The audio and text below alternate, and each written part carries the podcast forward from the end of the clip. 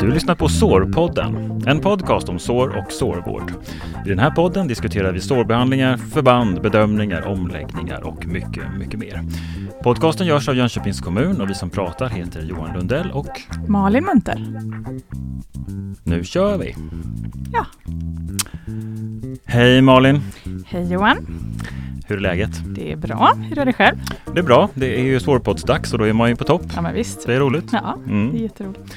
Hur, eh, vad har du sysslat med sedan vi sågs senast då? Vad har jag sysslat med? Jag har bland annat varit på en liten tripp till Växjö Ja, och träffat en kollega där på en kirurgmottagning och ja, hospiterat lite. Jag behöver ju också få lite input. då var du på regionen i Växjö? då, Ja, eller? precis. Ja. Och de lyssnar på Sårpodden. Ah, kul, jättebra. Då säger vi hej Växjö! Mm, hej Växjö! Um, hospitera på, vad sa du, kirurgavdelningen? Ja, Ja, och även lite på ortopedmottagningen. Då. ja. Men vi pratar ju inte operationssår och sånt. Nej, men ibland så gipsar man ehm, fötter och ben på patienter som har diabetessår. Men det kommer vi prata om längre fram faktiskt. Ja, så Ja. det tar vi inte med idag. Nej. Men var det, var det bra då? Det var jätteintressant. Man snappar alltid upp någonting nytt och det är som jag brukar säga att alltså varje, vad ska man säga, varje ny situation som man ställs inför och varje eh, alltså, ja, men ny grej så lär man ju sig någonting. Man snappar upp någonting och det, det är jätteviktigt och även för mig. Mm. Hur gör man om man vill hospitera hos dig då? man får väl skicka ett mejl. Sen har jag ju Ja, jag har ju inte så att jag kan ta emot alla givetvis, men man, Nej, det, det tar lite tid förstås. ja men det gör det ju. Ja. Så att, eh, men mejla kan man ju alltid göra. Men har man någon sån liksom, målsättning att jag ska försöka ta emot si och så många hospitanter, vad kallar ni dem för? Hospitanter. Eh, Per år, liksom? Ja, eh, det är väl mer så att jag försöker eh, prioritera våra studenter. Så att de får komma ut och titta och sen även då om kollegor vill följa med givetvis för att eh, vi får, jag är anställd i Jönköpings kommun så på något sätt får man ju omfamna det först. Ja. Men sen så ska man ju aldrig stänga dörren för ett utbyte. Man kan ju lära av varandra och det är jätteviktigt. Mm. Så att eh, vi stänger inga dörrar, det gör vi inte. Roligt. Ja. Vad har du gjort då? Ehm, jag har jobbat på. Ehm, vi firade ju alla hjärtans dag här för ett tag sedan. Mm. Och då var jag ute och gjorde en film på ett av våra, våra äldreboenden. En liten hälsning om ett par som har levt tillsammans i många år. Som vi la ut på Facebook. Underbart. Mm, det var roligt. Det, var, det är härligt att, Mm. att se och få göra sådana besök ute i, i verksamheten. Mm. Jätteroligt. Så det är väl det som har varit på tapeten nu senast då. Mm. Och lite andra grejer också. Ja, Mm. vi gör ju him- himla mycket saker hela tiden. Ja. Jag var på Upptäck också och kollade på deras eh, Mhm. sportlovsaktiviteter de hade tidigare. Också jättekul. Mm. Roligt. Mm. Ja, dagens avsnitt eh, har jag förstått handlar om trycksår. För det har du Mm. gjort nu några gånger. Ja, det har det. Och det är ju Mm. ett rätt så brett område. Men faktiskt innan vi går in på det så eh, vi kommer ha ett lite specialavsnitt idag. Eh, så att vi kommer att vända och vrida lite på, på programmet utifrån hur det brukar se ut. Men vi ska köra en fråga tänkte jag först som vi har faktiskt Yes. fått. Den tar vi på en gång. Ja, det gör så vi. det är gjort. Ja, det är vi. Eh, vi har en, eh, en lyssnare som heter Emelie som har mejlat till sårpodden att jonkoping.se och hon frågar oss så här. Hej! Har ni någon lathund för vilket förband som ska användas i första hand till olika sår? Till exempel diabetessår, venösa bensår, trycksår och så vidare. Hälsar Emelie. Vad tror du Johan? Det känns som att vi har rutiner och lathundar för det mesta, så varför skulle vi inte ha det i det här fallet? Mm. Eh, sen är det ju väldigt, vad ska man säga, det är väldigt svårt det här med att säga ett, att ett specifikt sår som beror på någonting, alltså då ett symptom, typ ett venöst bensår eller om det är trycksår, eh, att man ska ha ett specifikt förband på just det. Utan förbandet är ju egentligen till för att, alltså det är ett syfte med förbandet. Så det är vad vill jag att förbandet ska hjälpa till med? Så det är inte liksom vad det beror på, utan mer hur det ser ut och Så vart vill jag komma. Orsaken är inte så viktig då i det fallet. Nej, det är det inte. Utan du tittar på såret eller man, man gör en bedömning och så ser Mm. man att här behövs den här typen av Ja, det här vill vi uppnå liksom. Ja, Och så väljer man förband utifrån det. Och sen måste man givetvis även väga in vad är det för typ av patient? Vilka behov har den individen? Är det någonting som man behöver ta extra hänsyn till? Vill man duscha varje dag? Du kanske behöver ha ett annorlunda förband för det ändamålet och så vidare. mm. Så att mer utifrån den synvinkeln och vi har ju en lista för rekommenderad, vad ska man säga, rekommenderade förbandsval. Jag tror att jag har visat dig den någon gång. Vi pratade om den Ja, på något tidigare avsnitt. Ja. Eh, Det är men- jag kommer ihåg. Nej, men där har vi gjort just indelningen utifrån vad är syftet, vad är det vi vill? Så det Så egentligen är det att vi har ingen lathund Ja, för det utifrån som går inte. Nej, det går här. inte. Nej. Utan man, och det är också en vanlig missuppfattning. Man vill hemskt gärna ha lathundar så att man direkt kan veta att det här, nu har jag ett venäsbensår och då ska jag använda det här. Ja, just det. Men det går inte. Nej. Utan vad är syftet med förbandet? Vad Och så ska, vad ska förbandet eh, Ja. åstadkomma? Precis, Ah. så det går. Eh, Jag hade varit jätteglad om det hade gått att liksom fixa så. Ja. Men eh, det är inte riktigt så det fungerar. Nej, då har vi svarat på det. Ja, Och vi tar gärna emot fler frågor. ja men det gör vi jättegärna. Det finns inga dumma frågor ska jag säga. Nej. Utan vad som helst. In med dem så svarar vi Ja, så gott vi kan. ja. Kul! Mm. Då ska jag igen då försöka på det här avsnittet. Gör det. Den här, nu ska vi prata om trycksår. Mm. Ehm, och det är ju nämligen så att vi har gjort det i några avsnitt. Mm. Och idag har vi kommit fram till något som vi var inne och nosade på förra gången. Mm. Det varje, ja, vi klassificerade ju bensår. Inte bensår. Nej förlåt, vad säger jag? Vi klassificerade trycksår, Mm. det gjorde vi. Ja, du är lite jag, före tidigare. du. va? Mm. Eh, gjorde vi. Och Mm. då var det nämligen med i varenda sån klassificering, någonting som kallas för lägesändring. Mm. Precis. Och det tror jag vi ska Du kommer ihåg det här, med idag. Ja. Du kommer bli så expert på detta sen. Ja, Mm. mm. Mm. vi får se. Nej, men vi ska ju fortsätta på temat trycksår, för det här är ju ett stort område som innefattar många olika delar och därför kan vi, vi kan inte skynda oss igenom det, utan vi måste fördjupa oss i vissa olika saker. Och när man pratar om lägesändring så kommer vi osökt in på att vi måste samarbeta, eller vi behöver samarbeta med andra professioner. Så därför har jag med min kollega idag. Jätteroligt. Ja, Ska vi hälsa din kollega välkommen? ja välkommen Tom! Du får presentera dig själv. Ja, hallå hallå! Tom heter jag och är arbetsterapeut i Jönköpings kommun. Jag jobbar också till viss del i kommunens förflyttningsutbildning. Där vi utbildar ja, i princip all vårdpersonal eh, i Jönköpings kommun. Eh, allt ifrån hemtjänst till eh, äldreboendepersonal, personliga assistenter och faktiskt även räddningstjänsten har vi haft utbildningar för. Ja, spännande. Kul, välkommen hit. Ja, tack så mycket. Du, Jag måste bara börja med en fråga som jag alltid rör ihop och nu är det perfekt, nu kan jag ju reda ut det. Fysioterapeut och arbetsterapeut, varför skillnad? Eh, jag brukar säga så här, för jag får den frågan ganska ofta. Ja, alltså jag Eh. skulle sagt sjukgymnast men det, Ja, det förstår jag, det, det gör man ju det, inte. det är så att vi har faktiskt eh, fortfarande i Jönköpings kommun en del eh, sjukgymnaster och det handlar ju om eh, vilken typ av legitimation du har. Är du eh, utbildad på, eh, på senare tid så får du automatiskt eh, fysioterapeuttiteln för du kan inte ansöka om sjukgymnasttiteln Okej. längre. Mm. Men eh, de bytte titel för, jag kommer inte ex, exakt ihåg hur länge sedan det var, två, tre år sedan. Eh, men du måste aktivt söka legitimation som fysioterapeut. Mm.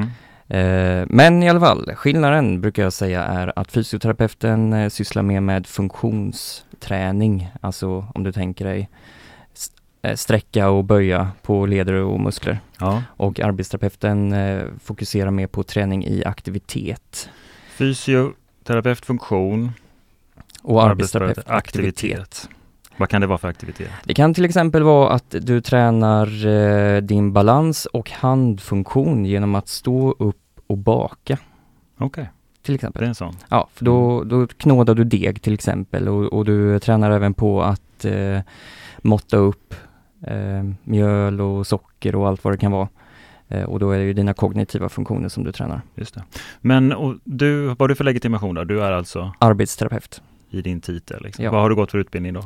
Eh, jag gick här i Jönköping på Hälsohögskolan. Gick ut 2010 i Mm. juni. Var tvungen att tänka efter. Så att eh, jag har ju varit med ett par år här faktiskt. Och har jobbat, eh, ja, bara i Jönköpings kommun faktiskt. Ja. I hälso och sjukvård och äldreomsorg. Bra. Mm. Men då kör vi igång med dagens Ja. ämne. Jag tänkte ju bara, vi måste ju inflika lite också, för du sa ju Tom att du är ju med på förflyttningsutbildningarna. Och nu känner jag ju dig och, och jag vet vad du gör och sådär, men, men eh, lyssnarna gör ju inte det. Så vad gör man på en förflyttningsutbildning och varför är det viktigt? Eh, Man kan säga så här att syftet med förflyttningsutbildningen, eh, vi har tre olika spår kan man säga. Vi har en grundutbildning där vi riktar utbildningen till nyanställda. eh, Där man ha- har det uppdelat i två steg. Där vi lär oss på ena steget hur man förflyttar någon i säng med olika hjälpmedel och vad man ska tänka på och ja, alltså manuellt sett då. Man använder inga motorer eller andra lyfthjälpmedel. Nej. Utan vi använder våran kropp och deras, alltså patienternas kropp. Och varför är det viktigt? Ja, det är ju dels för att eh, vi ska ha en schysst eh, arbetsmiljö, att vi inte ska skada oss som personal, men även att det ska bli bra för vårdtagarna, att vi inte rycker och sliter och drar i dem, eller riskerar att de eh, till exempel åker ner på golvet om vi gör Mm. fel. Precis, det är jätteviktigt. eh, Men den går för alla. Eh, tanken är att alla ska gå grundutbildningen när de är nyanställda och sen så har vi även repetitionsutbildningar för eh, personal som har jobbat en längre tid. Och en specialutbildning för semestervikarier. Så- Men det här är ganska handfast utbildning. Alltså ni träffas och, och, och lyfter och vrider och vänder på varandra. eller? Precis, vi, det är ju till stor del praktisk eh, övning och vi har gjort om eh, utbildningen för något år sedan så att vi gjorde teoridelen eh, webbaserad så att du ska komma mer förberedd. Ja, man läser på lite innan. Man läser på, eller man tittar på en film som vi har spelat in med lite teori om hävstänger och friktion och sånt. Ja, och sen så blir det mer tid för praktisk övning när, vi, när man kommer till oss. ja, det låter ju superanvändbart. Det, det tycker vi. Och den utvecklas ju hela tiden. Vi, vi ska börja med lite mer eh, videoinspelning, alltså att vi visar eh, och använder iPad till exempel på utbildningen. Så Okej. att man kan filma sig själv och se. För vi, vi tänker att man man lär sig bättre av att se sig själv. Ja, ja men att, så, eh, så kropp, är det ju. när man- Kroppskännedomen Mm. är ju en viktig del när man... Man får eh, lära sig själv hur man ser ut Ja, när man precis. gör saker och ting och så ångrar man så tänkte det där var inget vidare. så får man göra om. jag. Precis. Nej men det är inte helt eh, ovanligt att man, eh, att vi säger om en dra med dina, eller använd dina ben istället för dina Ja. armar. Eh, och så provar de och sen så rör de bara sina armar. Men de böjer på benen och då tycker de, eller känner de att de böjer på benen och använder sina ben fast de egentligen bara drar med sina armar. Men ser man det sen då på den här videon? Att ja men åh, nu ser jag precis vad jag gjorde för fel eller? Ja, det blir ganska tydligt Ja. eh, när man filmar. Vi har inte kommit igång riktigt än, men vi har ju tittat lite på oss själva. Eh, vi som är i förflyttningsteamet som vi kallar det då, vi är fyra personer.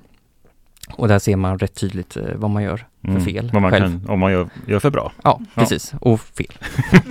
Så är det. Yes, men eh, idag, vi ska prata om samarbete va? Ja, eh, och Johan, nu måste Mm. jag fråga dig, varför tror du att jag har med mig Tom här idag? Ja men jag, det, det kan, jag kan bara eh, tänka mig att det handlar om, eftersom vi pratar så mycket om lägesändring, Mm. och då innebär ju då, tänker jag, att man måste flytta på patienten. Och det kan ju vara så att det är patienter som inte är så lätta att eh, förfly- har lätt att förflytta sig själva, Mm. troligtvis.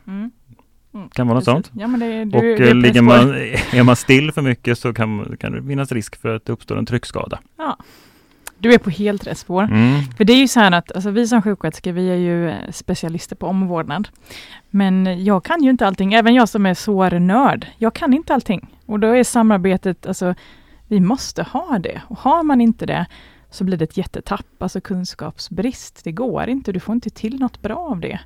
Eh, och det kan man ju även se om man eh, på olika boenden eller olika enheter inte har ett bra samarbete med rehabfunktionen, att eh, ofta så har man mer, eh, alltså fler patienter som har trycksår. Mm. Så att det här med samarbete är så himla viktigt. Vi måste få den här vi-känslan och inte tro att man kan sitta själv på sin kammare och komma på bra saker.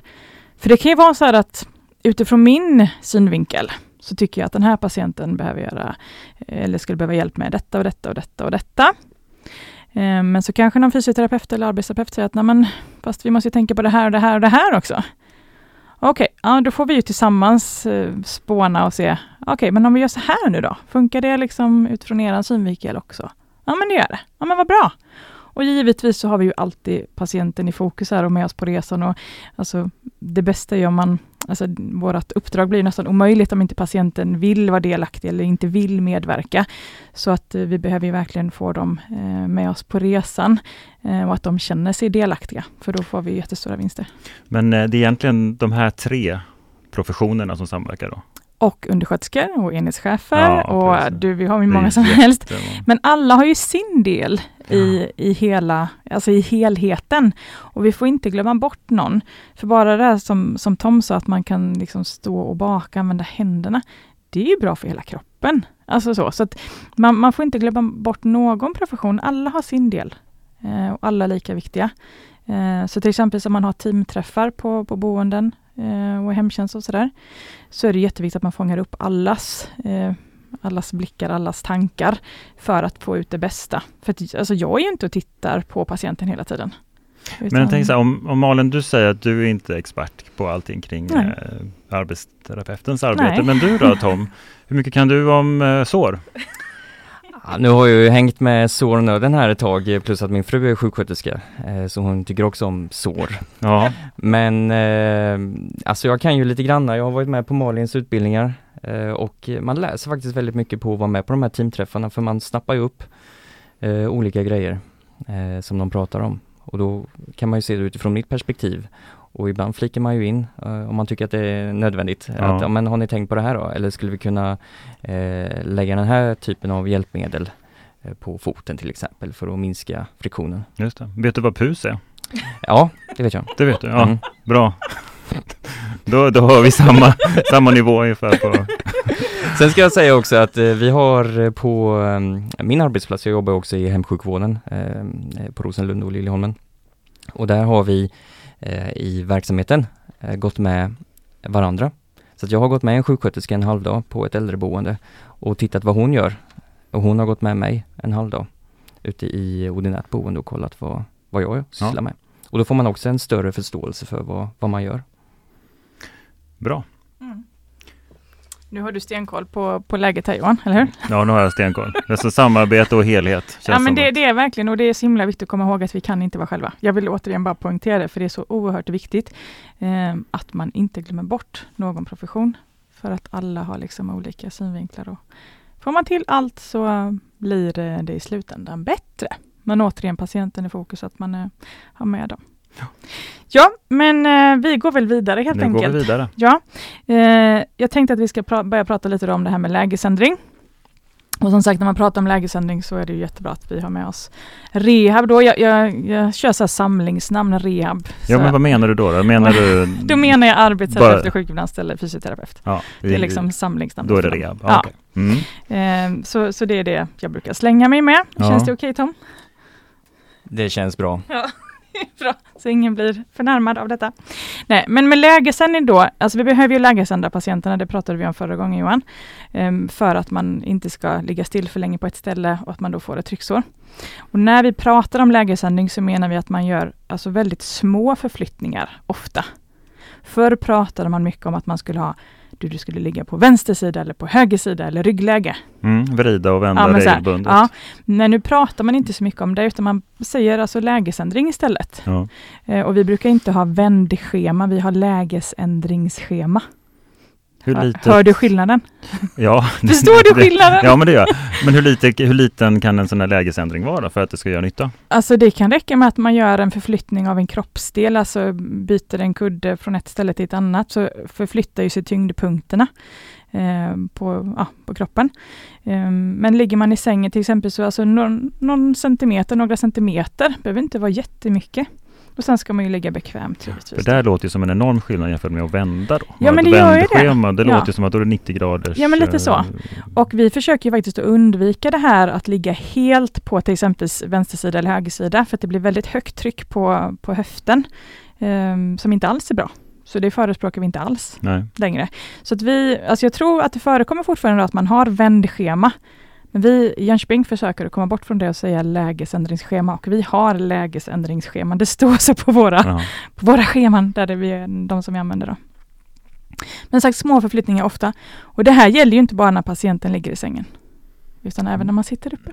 Precis, men ehm, det här måste göras dygnet runt då eller? Ja, om, man nu, om en patient är i riskzonen och jag som sjuksköterska bedömer att nej men vi, vi måste försöka att, få till lägesändring här, då får man ju börja någonstans. Vi brukar börja varannan timme som en som man säger, grundnivå och sen utifrån patientbehov och anamnes och så vidare så väljer vi sen då om vi ska eh, lägesändra oftare eller mer sällan. Eh, men det är ju helt, alltså det är individuellt, det kan ju vara jätteolika där. Mm. Men börjar man nu att lägesändra, det är också en sån här grej som jag tror mig veta i alla fall, att man eh, oftast är väldigt duktig på att lägesändra när patienterna ligger i sängen. Men när man sitter uppe så tycker man att det är svårare. För, För, att, för att det ju inte uppe. behövs eller? För att då, Nej, då sitter man, man redan uppe? sätt, alltså, man har i ryggmärgen som, eh, som undersköterska att eh, det är klart att när de ligger i sängen då ska vi ju lägesända. Så att natten brukar ju vara grymma på det här. Ja. Men på dagen så blir det lite, det blir svårare. Sen ibland så, ehm, vi har ju så här rullstolar, nu kommer vi in lite på, på Toms område. Eh, de kan man ju ehm, ändra. Jag tror du ska få flika in lite här Tom. Precis, jag tänkte putta bort det här eh, så att du inte säger något konstigt här. Jag säger inga konstiga saker. Vi har ju olika typer av rullstolar som eh, vi provar ut till olika behov. Och det som Malin eh, syftar på här tror jag är en så, så kallad komfortrullstol. Ja. Där du kan ändra dels, dels hela sitsenheten eh, men även bara ryggstödet och fotplattorna. Det man ska tänka på, och det tror jag vi kommer komma in lite på sen, är att beroende på hur du ändrar kroppen så mm, fördelar du trycket annorlunda. Så höjer du upp fötterna till exempel så fördelar du trycket från att sitta på rumpan och låren till kanske bara rumpan. Ja, just det. Eh, Så, så blir då det får man- mer tryck på Det blir mer tryck på kanske sitta, ja precis. Så, och det är viktigt i lägesändringar att man ska tänka på att eh, flyttar du en kroppsdel så kommer det påverka en annan så att man är medveten om det.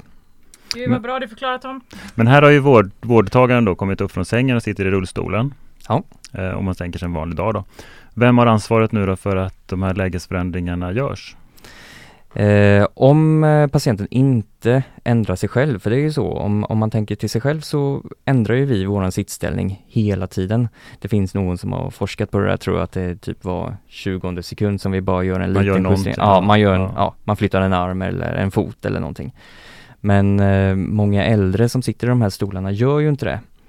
Eh, och det är därför de många gånger har fått en sån här typ komfortrullstol. Och då är det ju vårdpersonalens uppgift att se till att det blir en lägesändring titt som tätt. Är det ett, ett stort jobb eller går man bara till den här komfortrullstolen och flyttar någon liten spak? Eller Ja, hur går du, det till? du trycker ner en liten spak och, och gör en liten justering. Och det Ja. kan som Malin säger vara någon centimeter framåt eller bakåt. Gör man en notering någonstans om att nu har jag gjort den här? Nej, nej det har jag nog inte varit med om. Kan jag ju säga att det är lite olika då, eh, beroende på kanske vad det är för boende eller så, vad man väljer att ha sånt här lägesändringsschema även dagtid. Man får se lite hur det funkar, för det ska ju funka. Precis. Sen vill jag säga en sak till här då. Mm. Eh, ja, vi pratade om det, eller Tom pratade om det här med att eh, man kan eh, justera rullstolen, men vi förespråkar även att det inte räcker med bara det. Kan inte du säga något mer om det Tom? Ja, alltså du, du kan ju få i princip liggande position i en sån här rullstol men det ska ju aldrig ersätta en eh, dagsvila, alltså en vila i sängen.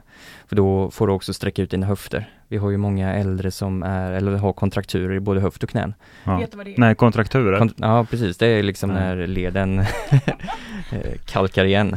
Så att det, blir det. Det blir stelt. Det blir, det blir jättestelt. ja. Blir det. Och det är mycket smärta när man eh, då gör ett så kallat eh, kontrakturprofylax träningsprogram. Mm, det lät ju avancerat. Kontrakturprofylax ja. Ja. Eh, förkortas KP och det är oftast fysioterapeuten som, eller det är fysioterapeuten som gör det. Men det gör det förebyggande syfte Ja, precis. för att Eller det- undvika ja. de här. Det är ju för att man inte ska eh, bli som en liten eh, boll kan man säga. För att Ja. böjmuskulaturen är alltid starkare än sträckmuskulaturen.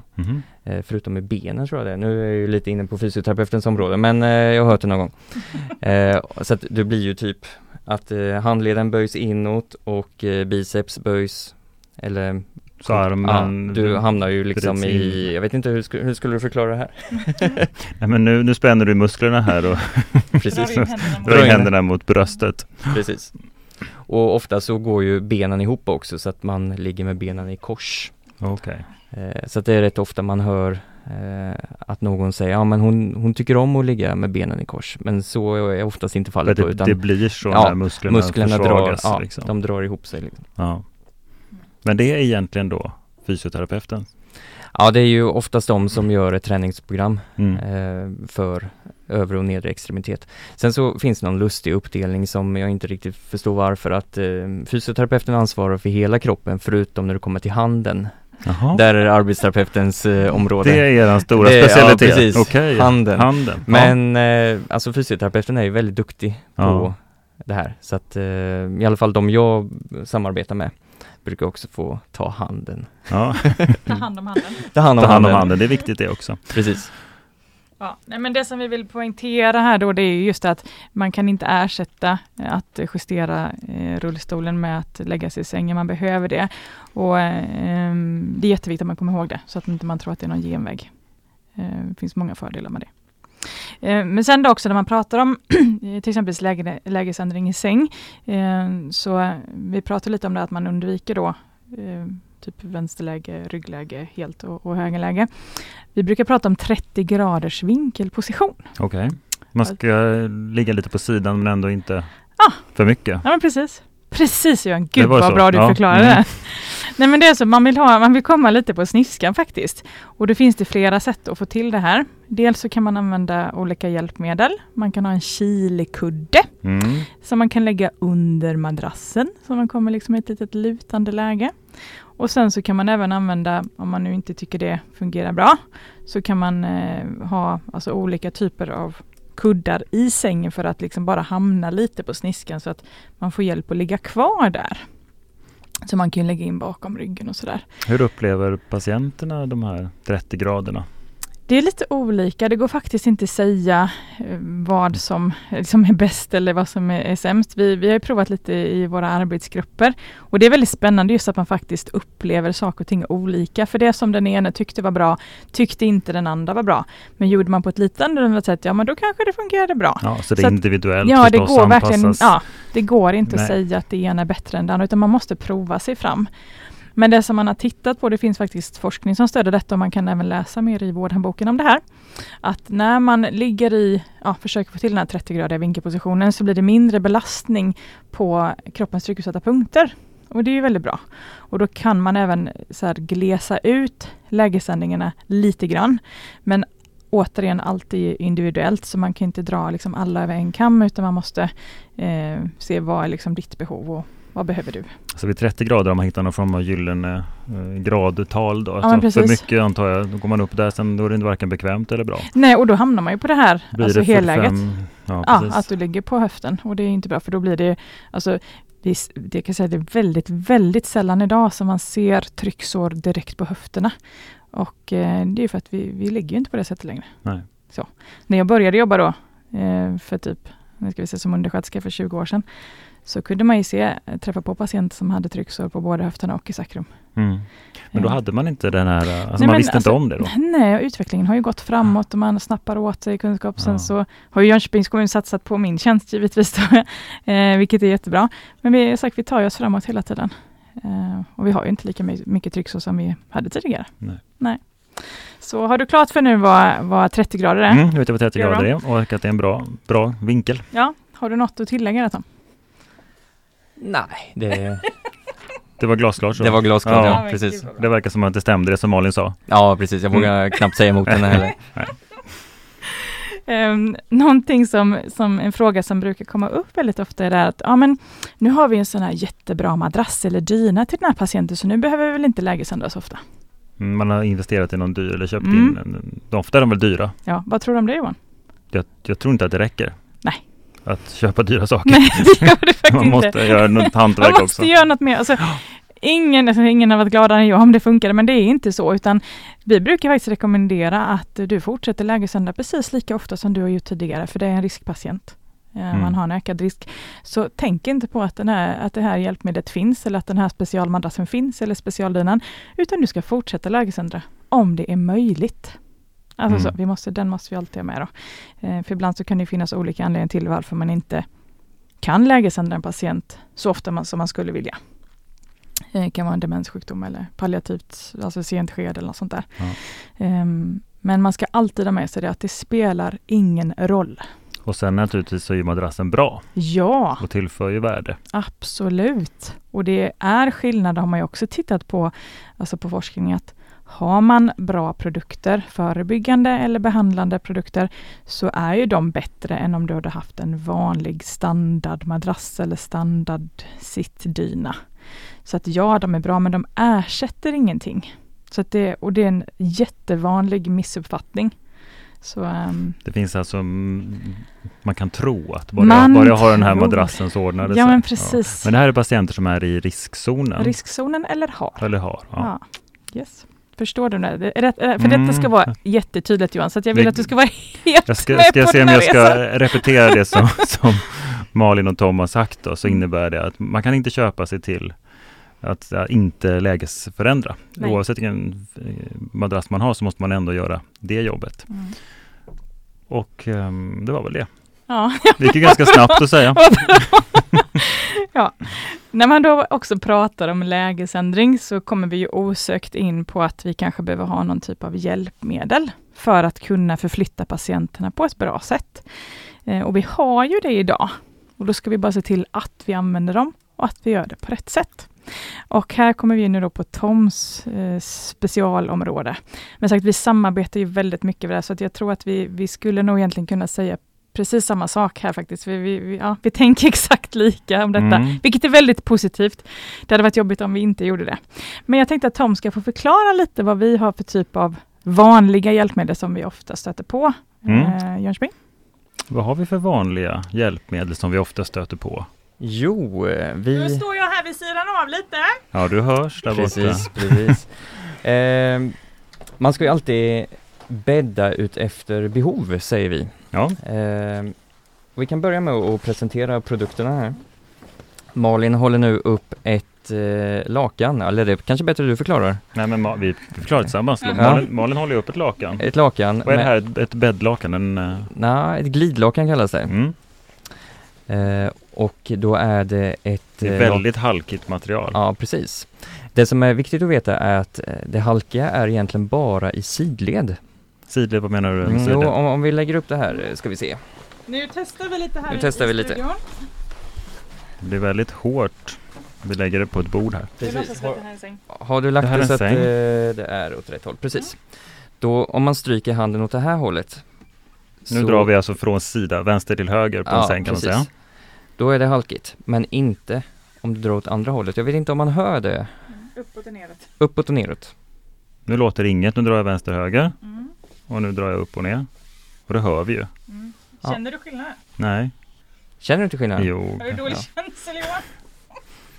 Ja, om inte annat så avslöjar ju ljudet att det är någon form av det är skillnad. friktion. Ja, det är Ja, men det är friktion. Det är friktion, mer friktion eh, uppåt och neråt än i sidled. Ja, Eh, och det har sina förklaringar eh, och kommer till det lite senare.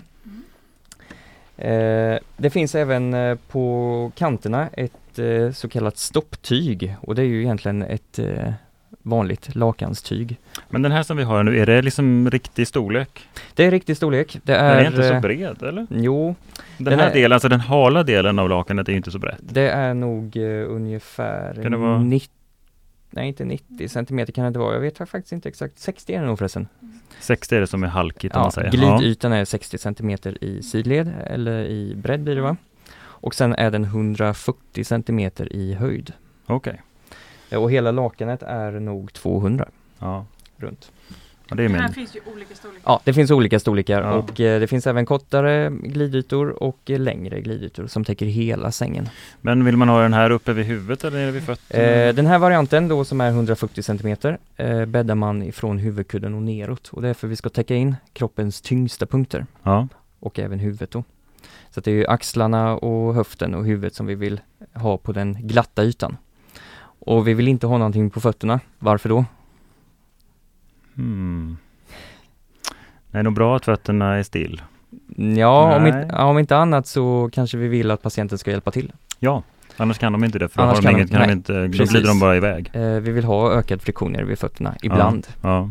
Men ibland så vill vi minska vill ni ha- friktionen, till ja. exempel om man har eh, trycksår på hälen. Eller vad det kan vara. Eh, så så ser det ut. Vad, vad var det fina här nu med att den bara glider åt den ena, ena hållet? Det är ju dels för att eh, om patienten själv kan vända sig men behöver lite stöd men inte så pass mycket stöd så att de behöver hjälp av personal så är det oftast höften som är svår att vända. Ja. Det är den tyngre delen, Ja. höften, rumpan. Eh, och då är det jättemånga som har nytta av att bara ha ett glidlakan ibäddat. Sen ska jag lägga till att det här glidlakanet skulle ligga ovanpå ett vanligt underlakan. Först underlakan. Först underlakan alltid och sen den här då.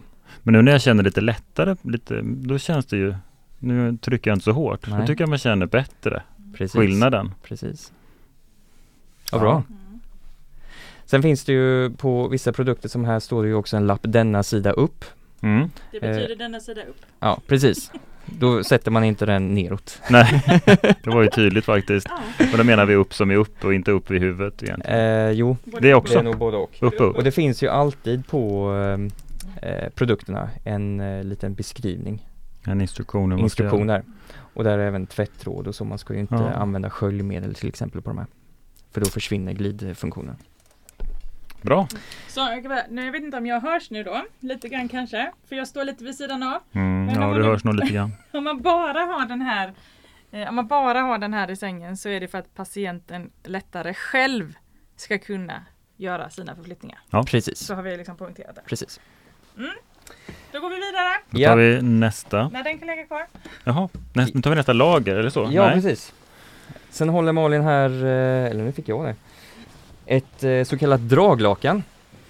Då ska se vad det är för någonting. Det känns som ett vanligt bomullslakan. Precis, lite det är tjockare lite kanske. tjockare Ja. för att det inte ska gå sönder. Det finns eh, tunnare modeller också. Eh, men den här är lite tjockare. Och den har, just den här produkten har även ett randigt mönster Mm. som på ett väldigt pedagogiskt sätt då ska indikera att det är i den riktningen som det är minst friktion. Minst friktion i den riktningen som ränderna är. Ja precis, så att det är ju i sidleds Och nu lägger du 90 grader mot uh, glidlakanet under här. Ja precis, vi vill ha mycket tyg på sidorna. Ja. Vi kommer fota detta också. Precis. Ja. Eh, och det här är ju personalens hjälpmedel Ja. kan man säga. Tanken är ju att vi ska inte dra i patienten eller hålla i patienten med våra fingrar så. Eh, utan använda det här draglakanet eller tvåvägsdrag kallar vi det också. ja. För det dras egentligen bara i två riktningar. Höger och vänster. Men alltså tillsammans nu med det här glidlakanet under och det här draglakanet, då går det nästan inte att flytta det här upp och ner. Precis. Och det finns ett syfte med det också och det är ju att många gillar ju att ligga med höjd huvudända. Ja. i våra sängar.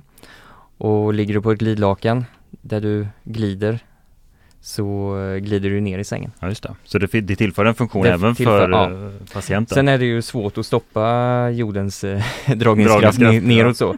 Men det finns ju lite inställningar man kan göra på sängen till exempel sätta i jetsängsläge om det finns.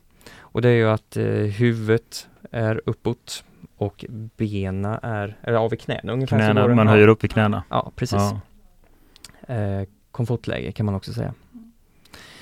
Eh, så att eh, tanken med också då det här draglakanet är ju att vi ska använda dess längd. Så att jag ska kunna stå längre ifrån patienten. Nu kanske jag försvann här Ja, lite. men det är bra. Ja, Det är bra. precis. Mm. Eh, och det har ju sitt syfte med om vi till exempel ska vända en person i sängen.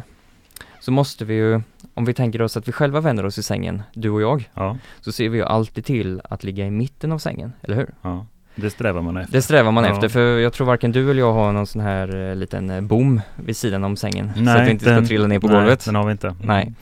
Eh, och det man gör naturligt, det naturliga rörelsemönstret som vi pratar om är att man i regel drar upp sina ben, lyfter på höften och gör en vändning. Eh, och sen så tar man med sig axlarna också. Hänger Mm. du med? Det är ganska många moment man gör fast man inte tänker på det. Precis. Eh, precis, det gör man. Eh, och för att efterlikna det, för om vi bara hade dragit åt sidan eller vänt på patienten när den ligger i mitten av sängen så hade vi ju Då hade den hamnat på- flyttat sig närmare en, Ja, av, en av precis. kanterna. Ja, då hade vi hamnat nere på, eller precis vid sängkanten. Mm. Så då måste vi först dra den åt sidan och sen efterlikna det naturliga rörelsemönstret genom att dra upp benen, flytta ut armen så man inte lägger sig på den och sen så lägger man lakanet över patienten. Jaha. Så om Malin eh, skulle ligga här, Mm. du och jag står ju på varsin sida om, eh, ja, sängen. Om Sängen, det här lilla bordet vi har. Precis. Ja. Då drar jag först till med Malin åt mitt håll och sen lägger jag över lakanet så att du får ta tag i det. Då Mhm. fördelar vi också tryckpunkterna eh, över en större yta Just det. och sen så vänder vi på Malin. Men måste man vara två då när man gör den manövern? Ja, det är ju att föredra. Eh, för att sen när Malin väl har lagt sig på sida så kommer hon ju rulla tillbaka om inte jag justerar eh, höften Okej. genom att dra den lite, lite, lite bakåt. Eh, med hjälp av draglakanet. Ja. Men det här måste ju vara en manöver som ni gör, eh, alltså om man är van med det så tänker man väl inte på allt som du säger nu? Nej, man bara gör liksom. precis. Ja. Och Eh, så går det ganska fort. ja, Alltså inte fort fort men eh, ja, ibland går det lite för fort också för man, man tänker inte på det här just att flytta ut armen. Man kan säga att det efterliknar lite framåtstupat sidoläge. eh, det vi gör när vi vänder. Under själva vändningen? Under själva vändningen ja. Eh, för om vi inte flyttar ut armen så kommer man ju lägga sig på den. Ja. Eh, Och då så. fastnar den lite där? Då Ja, måste man nästan rulla tillbaka och göra om? ja, nej precis. Och är tanken att du ska ligga så en lite längre stund så kommer du ju Ja, det kan låter ju, inte bra. Nej, Nej. precis. Ja, det här var en tvåvägsdraglakan. Ja, och sen finns det även ett eh, fyrvägsdrag. Det har vi tyvärr ingenting, inget med oss idag. Det missade vi. Men principen är densamma förutom att det finns glidtyg på undersidan av det. Så att det blir glid mot glid. Det låter jättehalt. Ja, det är det med. Ja, Eh, och eh, det finns de när vill man ha det? Det vill man ha till exempel ifall man har en extra tung person. Eller det kan vara att personalen upplever att personen är tung. Behöver inte vara tung rent eh, i kilo.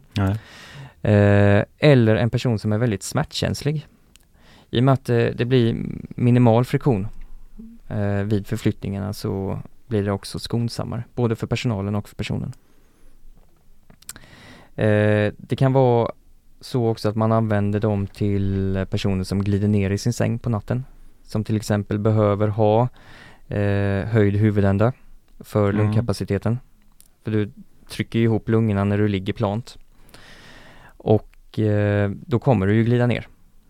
Det låter som att man glider mer med ett sånt. Ja, det gör du.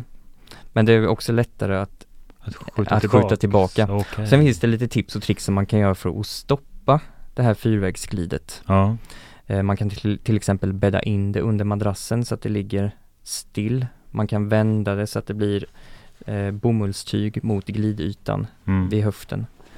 Eh, det man ska tänka på är ju att eh, när man använder ett fyrvägsdrag eller ett gliddraglakan så finns det vissa risker. Till exempel att glidtyget är även längst ut på sängkanten. Så har du en person som sitter på sängkanten så finns det risk att den glider ner. Aha. För det blir glidytan Ja, mot det här så kallade ut. stopptyget som jag pratade om innan här då. Just det. Och så finns det risk att man glider ur Att sängen. man glider ur sängen. Så man ska alltid göra en, en riskbedömning. Eh, dels om man ska ha grindar uppe som en skyddsåtgärd. Eh, och då är det ju ganska hårda riktlinjer där att man får inte dra upp sänggrindar eh, på sängar om inte den som ligger i sängen har accepterat det eller sagt ja. Och är det så att man har till exempel en dement som inte kan säga ett adekvat svar, ja eller nej, så får man prova och se om det är så att, eh, att den eh, ja, inte blir orolig. Nej, precis. Eh, För då finns det risk att de klättrar över och klättrar de över så blir det ännu större skador. skada. Ja, precis. Men ser ni direkt då när ni kommer fram till en säng hur den är bäddad? Alltså här, här ligger ett fyrdragslakan eller tvålags, eller hur vet ni det? Ja, alltså det, det, det ser man ju, särskilt om man är, som jag då är lite skadad inom området. Ja. Jag är lite förflyttningsnöd om hon är sårnöd. Ja, Eh, och eh, i och med att jag jobbar mycket med Malin så ehm, har det blivit att man har eh, intresserat sig lite för bäddning. ja, Eh, så. så att eh, jag ser direkt. ganska liksom. direkt. Ja. Eh, Jag, jag tänker liksom på det. Mm. Eh, Men eh, det finns lite olika vägar som man kan gå för att eh, tänka till vad det är för produkter man har eh, i sängen och vilket behov man har. Häftigt. Ska säga, eh, vet inte om jag, om jag hör så här, men eh, vi pratade om det här med fyrvägs. Ser det ut på ett annorlunda sätt Tom kanske du? Jag vet inte om du sa det? Ja, alltså nu ska vi inte gå in på produkter här. Eh, produkt, de som vi har. Ja, de som vi har är ju rutiga. Jaha. Eller de som vi Ja, rekommenderar det. rättare sagt, de är ju rutiga. Så att de eh, indikerar ju också att de går i alla glidriktningar. Ja men det är smart neråt. jämfört med den här Ja. som har raka Precis. linjer bara åt ena hållet. Så det är ju någon som har tänkt till. Ja, det måste vara en kommunikatör. Precis. Nej, men det som vi vill poängtera här nu, jag har sagt, eh, det är att det här är ett förflyttningshjälpmedel. Och inte ett... Nej, men jag bara säga, för att vi Jaha. kommer fortsättning följer här nu sen, Mhm. så att det här är förflyttningshjälpmedel Mm. och till för att förflytta patienten. Och det är ju bra utifrån många aspekter, både för personal och patient och så vidare. Är du med Johan? Jag är med. Gud vad bra, för det är jätteviktigt. Jag vet inte vad som det. kommer sen, men det får vi väl se. Men det här vi har pratat om nu är Ja. förflyttnings. Det är förflyttningshjälpmedel. För att det ska bli så optimalt. Förflyttningen ska bli så optimal Och som det har vi möjligt. pratat om glidlakan och draglakan. Ja, du är med på resan? Den är jag med på, Mm, absolut. Ja, bra. Nu måste Har vi vi... några mer produkter vi ska titta Ja, på vi- precis nu eller? Inte precis nu, men vi, vi, det kommer mera. Det kommer mera. Mm.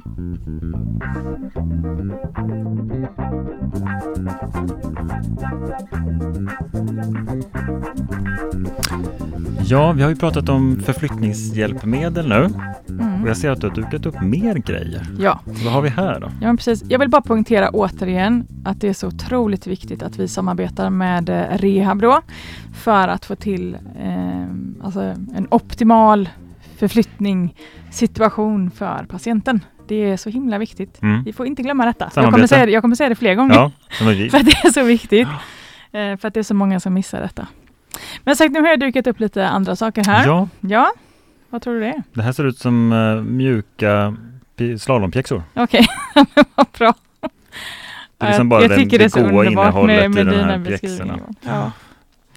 Vad tror du vi har till? Ja, ja, det måste vara något som har med fötter att göra i alla fall. Ja, det både, det är, vi har inte dem på huvudet. Nej, Nej. man skulle kunna ha i och för sig. Då blir det väldigt roligt. Nej, eh, tanken är ju med de här grejerna som jag har dukat upp, det är att lite visa vad man kan göra när man har kanske risk för trycksår på hälarna, eller om man har ett trycksår på hälarna. För att då behöver vi få till en total tryckavlastning Johan. Mm, total vad, tryckavlastning. vad är det? Då är det inget tryck alls på den här riskzonen eller vad man ska säga. Precis. Och för att det ska ske så måste den liksom sväva fritt. Sväva i luften helst om det går.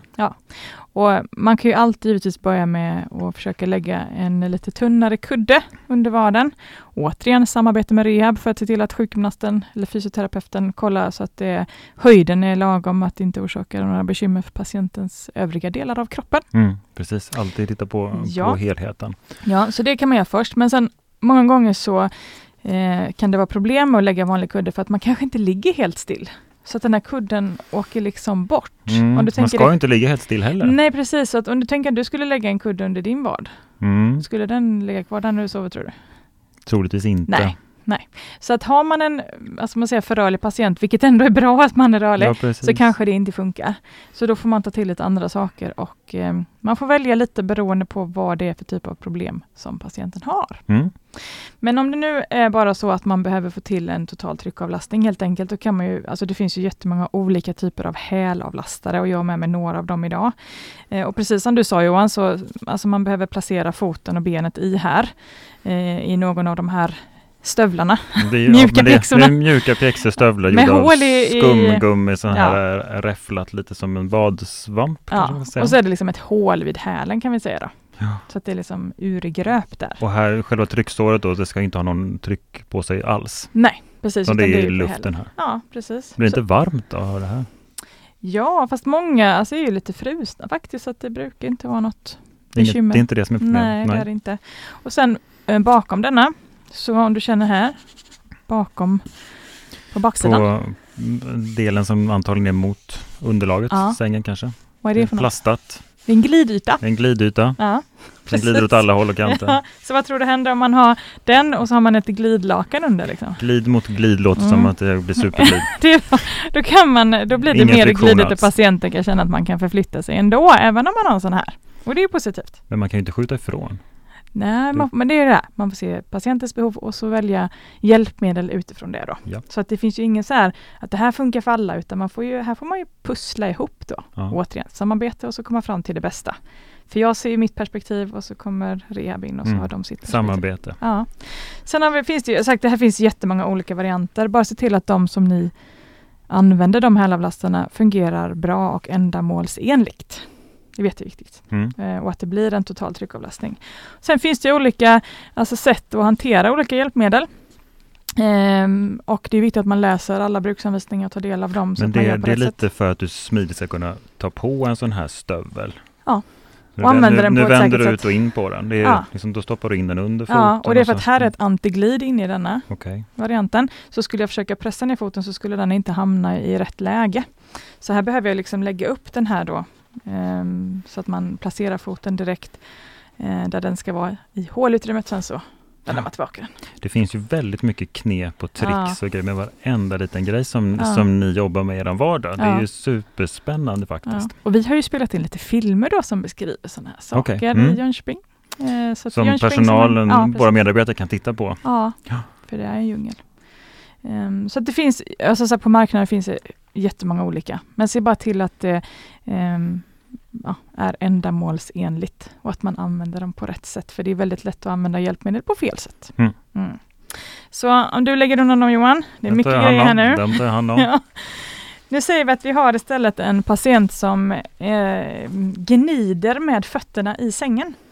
Fram Så och att- tillbaks. Så här, liksom upp Mm. och ner. Och då kan man ju få nästan som alltså, friktionsskador på hälen. Ganska, ganska alltså, snabbt och Ja. regelbundet och Ja, hela tiden. Ja, och ibland så är det hos patienter som det är svårt att bryta det här mönstret på av olika anledningar. Det går liksom inte utan vi måste fånga upp hur, vad gör vi åt situationen. Ehm, dels kan man använda ett glidlakan och lägga då längre ner i sängen, inte så som Tom beskrev innan utan längre ner i sängen.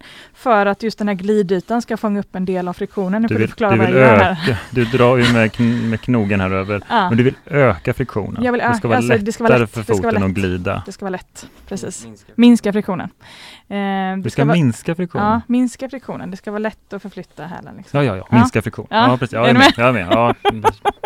Det Vi är, lägger- lätt, att- det är lätt att blanda ihop. Det är lätt Vi, att blanda lägger inte dit ett sandpapper. Nej, Utan det vi ska bli lättare. ett glidlakan. Men Friktionen ska vi, minska. ja, vi lägger det vid fotänden. Så det är en sak som man kan göra.